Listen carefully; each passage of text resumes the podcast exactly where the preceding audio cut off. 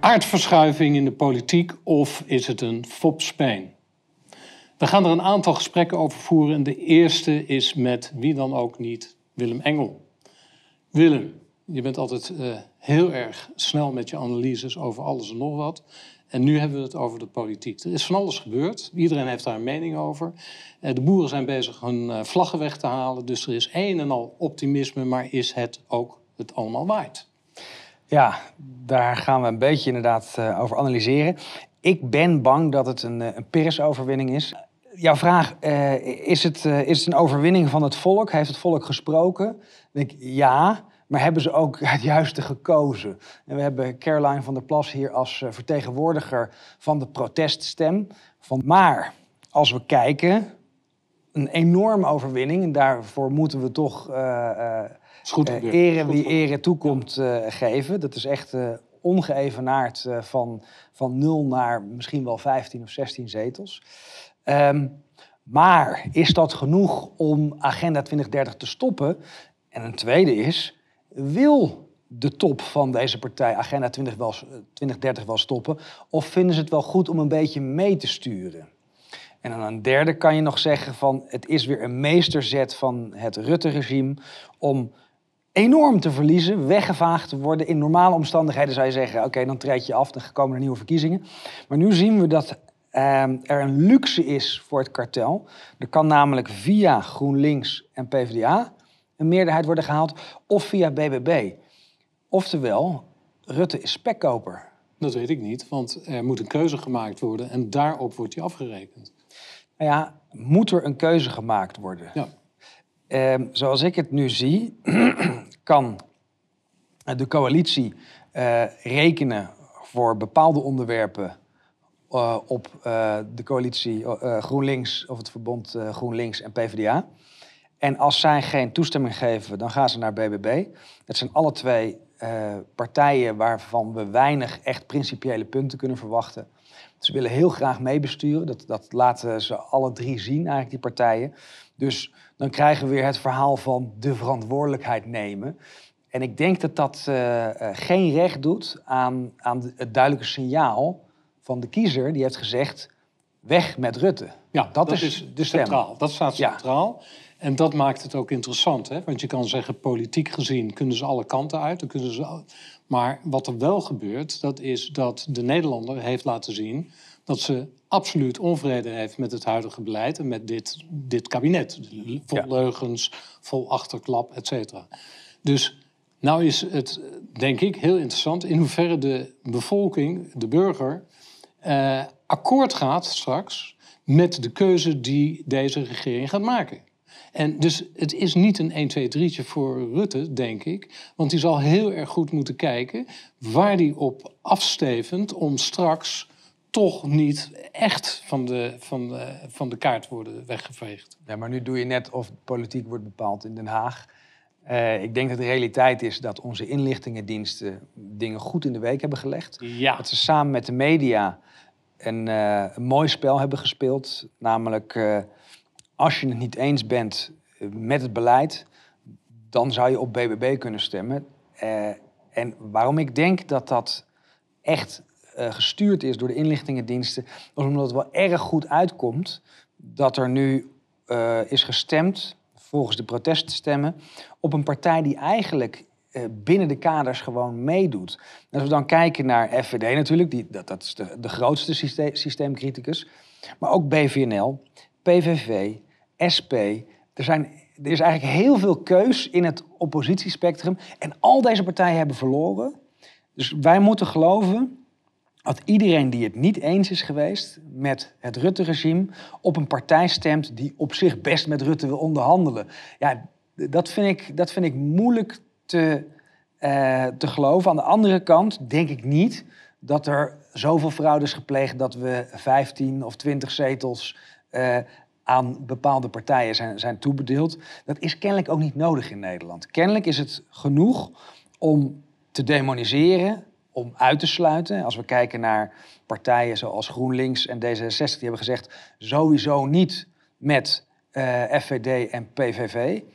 Eh, waardoor mensen toch krijgen van ja, maar ja, dan heb ik helemaal niks. Dus ik moet juist op iemand stemmen die nog meedoet. En dat er heel erg in de media uh, veel aandacht is geweest voor BBB. Dat geeft natuurlijk ook een heel erg sturing. Uh, onbekend is onbemind. Uh, wat vreemd is, want FVD was tot een paar dagen geleden de grootste partij. Vorm voor Democratie. Ja, in, in, de, in de Eerste Kamer op papier. Ja. Met al die afsplitsingen zijn ze er praktisch gezien op vooruit gegaan ten opzichte van waar ze stonden. Maar als je electoraal bekijkt, 2019 waren zij de grootste partij. Ja. Um, maar ze zijn uit de media geweerd, zoals het de laatste paar jaar al gebeurt. Um, en dat, dat is het lastige als de politiek en de media uh, dezelfde aansturing hebben, namelijk wat wij dan de deep state noemen.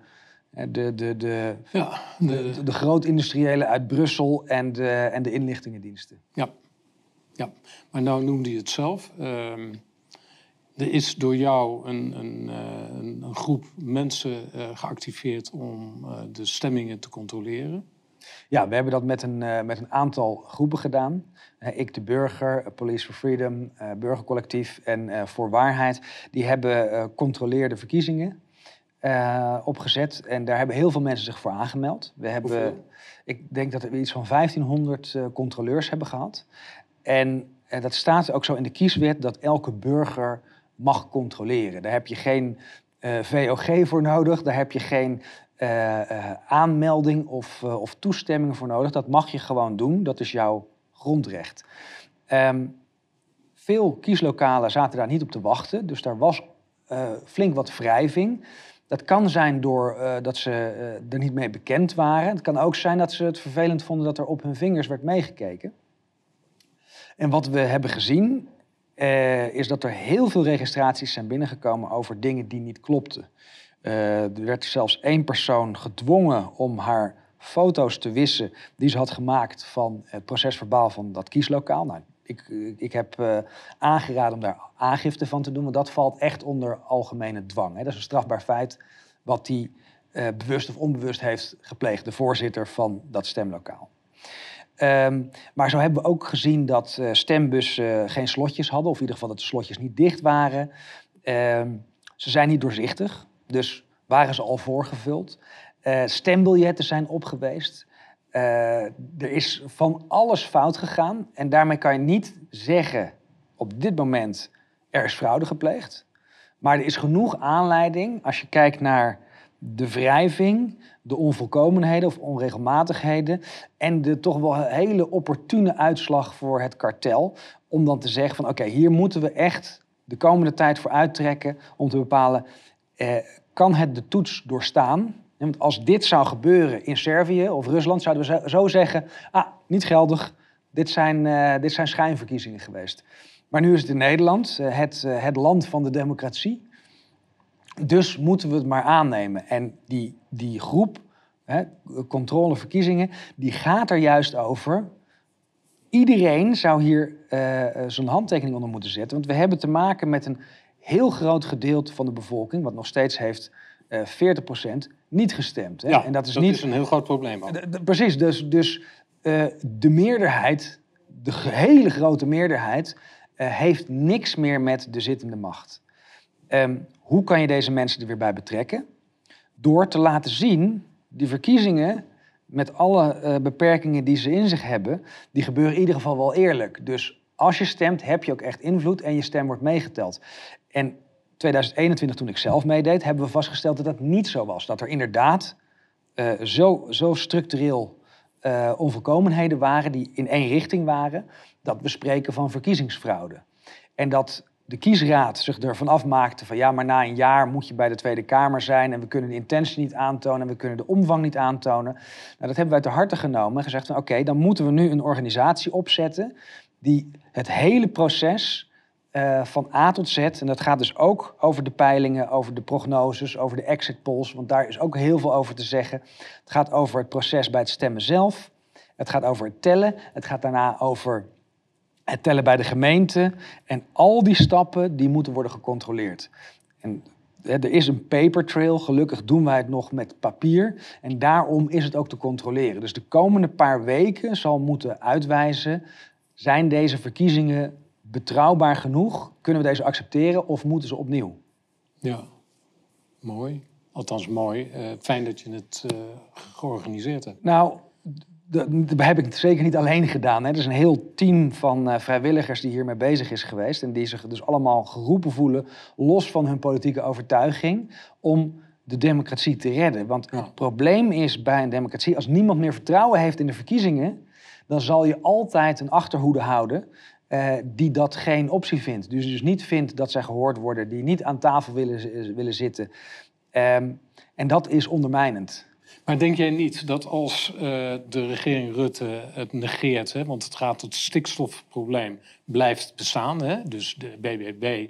Op papier, ja, er is, er is geen stikstof... Achter het stikstofprobleem, terwijl ja. wij uh, vanuit onze coulissen weten dat het stikstof eigenlijk een politiek probleem is en niet echt een fysiek. Niet eigenlijk, er bestaat geen stikstofprobleem. Exact. Ik dus, zat... dat is, dus dat is één ding. Maar ga er nu even vanuit dat uh, de regering uh, Rutte ehm, koerst op, eigenlijk op haar eigen agenda. En blijft koersen op haar eigen agenda. Dat is niet de, de agenda 2030 hebben we Dat is de agenda 2030. Ja. Ehm, dat betekent dat voor de grote, uh, zeg maar, voor de, voor, de, voor de burger, in ieder geval voor alle mensen die, die gestemd hebben op, uh, op de BBB, dat die zeer teleurgesteld zullen zijn. En zeker de boeren zullen teleurgesteld zijn. Zou je kunnen verwachten, terwijl nu op dit moment de vlaggen dus weggehaald worden uit het land, dat ze binnen drie maanden, binnen een half jaar weer op zijn kop hangen, uh, overal waar we rijden? Ja, ik denk het wel. Maar laten we nog even het voordeel van de twijfel gunnen. Er is een hele duidelijke stem uitgebracht. Daarmee is er ook een mandaat.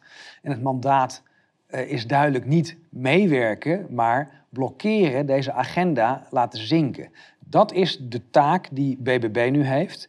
En je gaf net al aan van hè, uitspraken als ik ben een beetje verliefd op Remkes van Caroline van der Plas zijn erg ongelukkig geweest. Remkes afgezien van de geweldsdelicten waarvan hij wordt verdacht, of in ieder geval de opdrachtgever daartoe, um, is een van de architecten van dit stikstofbedrog. Het is bedrog.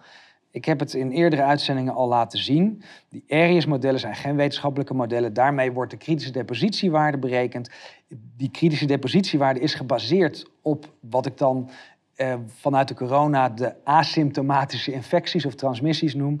Die bestaan niet. Eh, stikstof kan alleen terug in de bodem komen via regen. Ehm, dus het is, een, het is een fabeltje.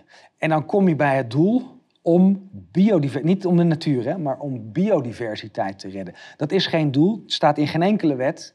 Ehm, het, het, wordt ook niet ondersteund door grondrechten. Het is een hobby. Het is een hobby van mensen die vinden dat Agenda 2030 van levensbelang is. En als je daar weer meer over wil weten, die biodiversiteit die komt uit het convenant Agenda 21, 1992 Rio de Janeiro. Eh, daar zijn die hobby's begonnen en dit is niks anders dan problem, reaction, solution. Je maakt een probleem wat geen probleem is, dan kan het ook niet worden opgelost en op die manier kan jij beleid sturen. Kun je beleid sturen. Ja. Eh, even terug, samenvattend. De uitslag aardverschuiving, dat hoor je aan alle kanten. Aardverschuiving in de politiek. Wat denk jij? Is het een aardverschuiving? Ja, het is, een, het is feitelijk een aardverschuiving. Maar wat ik zeg, eh, sinds 2021 is het openlijk, maar eigenlijk is de koep daarvoor gepleegd. Eh, we moeten niet denken dat binnen een dictatuur eh, democratie een oplossing kan bieden. Dus ik hoop dat als de intenties oprecht zijn van een BBB, dat ze ook heel hard oppositie voeren en nu drie stappen harder gaan lopen om deze trein die tegen de betonnen muur op gaat botsen, uh, te stoppen? Voordeel van de twijfel? Uh, nou, ik, ik zou nog een, een, stapje minder willen zeggen. Het is nu van belang dat de mensen die hun stem hebben uitgebracht uit protest, dit heel duidelijk maken.